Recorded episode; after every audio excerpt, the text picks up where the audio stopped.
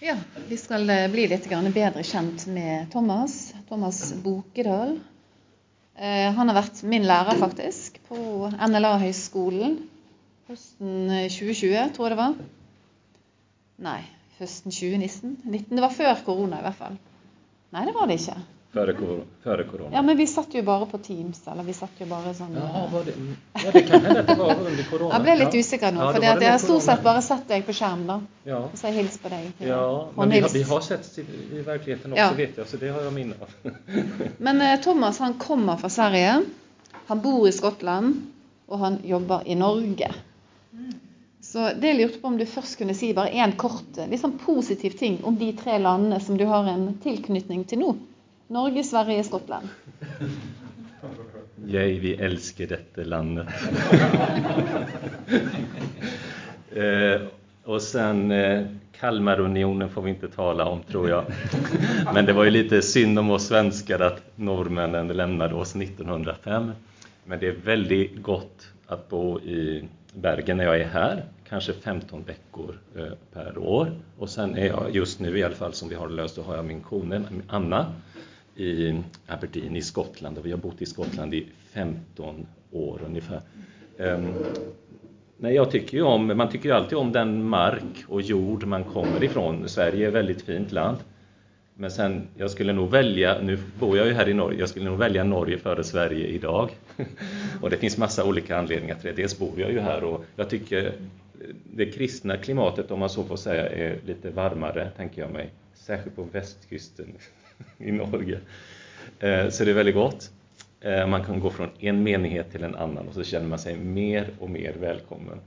Och så så jag, jag har hört gott om eh, Kristkyrkan så det är väldigt fint att få komma hit och få ja, bara vara här. Skottland är också fint. Där är det lite höjt i tak i, i Skottland så man kan säga och tycka lite som man, som man vill utan att folk reagerar så starkt på det. Jag kan säga att jag är kristen och jag går i den menigheten och jag blir inte mobbad för det. Men mina barn, eh, de kanske tycker det är lite trängre eh, när man kommer till vissa ställen i Skandinavien. Det kan vara lite eh, vanskligare, till exempel att vara kristen. Eh, Thomas han har fem barn. Som voksne, kanskje? Eller fall de har flyttet ut. Flyttat ut, Ja. den sista nu precis. Ja. Men som ung Thomas så hadde du planer om å bli naturviter. Ja, jag börjar med, med Ja, naturvetenskap. Men så endte du opp med å studere teologi, og da er jeg litt nysgjerrig på hva var det som skjedde der? Ja, det undrar jag också. jag läste naturvetenskap i tre och ett halvt år, så jag, jag började som, som eh, medicinare. Och sen hoppade jag, liksom, då, det tyckte min far det var bra att läsa naturvetenskap. Och, och så hoppade jag till någon annan utbildning också. Men så blev jag intresserad av de här existentiella frågorna och sanningsfrågan, sanningsspörsmålet och meningsfrågan. Och, och, och de upptog mig så mycket. Och så läste jag en kurs i filosofi och lite litteratur och så tog jag en kurs i Gamla testamentets exegetik för Fredrik Lindström. Och det var många år sedan nu och så blev jag så upptagen av det. Jag tänkte här, här vill jag stanna. Och på den vägen är det. Eh, Men når jeg snakket med deg i går, så nevnte du at en av lærerne på medisinstudiet, hun eh, var kristen. Ja.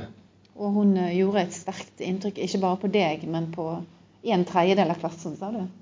Ja, Eller något sånt? Ja, ja, vi var eh, lite drygt 50 i den klassen och en tredjedel eh, räknade vi sen, kunde, kunde vi säga, blev, blev kristna. Bland annat en, en person... Sa du at en tredjedel ble kristne? Ja, de kanske hade varit det lite tidigare men de blev väldigt påverkade av den här personen. Hon är psykiatriker idag och psykoterapeut i Göteborgsområdet. Eh, jag har kontakt med henne ibland och så men jag har nog inte sagt till henne, jo jag har nog gjort det, att hon hade en sån eh, påverkan på oss. Bland annat på en person som heter, eh, han heter Johan, man får vara lite försiktig här. Men han var en pastorsson till en pingstpastor i Göteborgsområdet och han blev teoretisk ateist. Ända till dess han var 27-28 år. Ehm, och han gjorde en avhandling i logik och filosofi. Han var väldigt duktig. Han blev omvänd, han blev kristen, han blev katolik. Och så kallade han min, min egen kyrka, då, Svenska kyrkan, han kallade den en sekt, kommer jag ihåg när vi snackade syn en gång. Men han blev i alla fall kristen. Och så sa vi, när vi satt och talade över en kopp kaffe för flera år sedan, då sa han, ja det var ju hon, den där eh, eh, jänten där, hon gjorde ju sånt intryck på oss. Hon var så naturligt, eh, bara glad och naturligt kristen. Hon, en till, tänkte jag, som hade blivit påvirket av, av den här Mm. Du, et siste spørsmål. Eh, I dag så skal du snakke om eh, lignelsene. Du skal undervise om det. Eh, er det en av Jesu lignelser som du är speciellt glad i?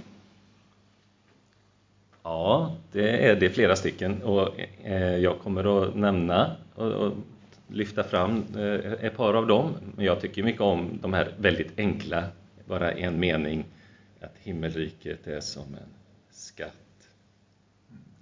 tycker jag är väldigt fint till exempel. Ja. Sen finns det ju många, många vanskliga liknelser också.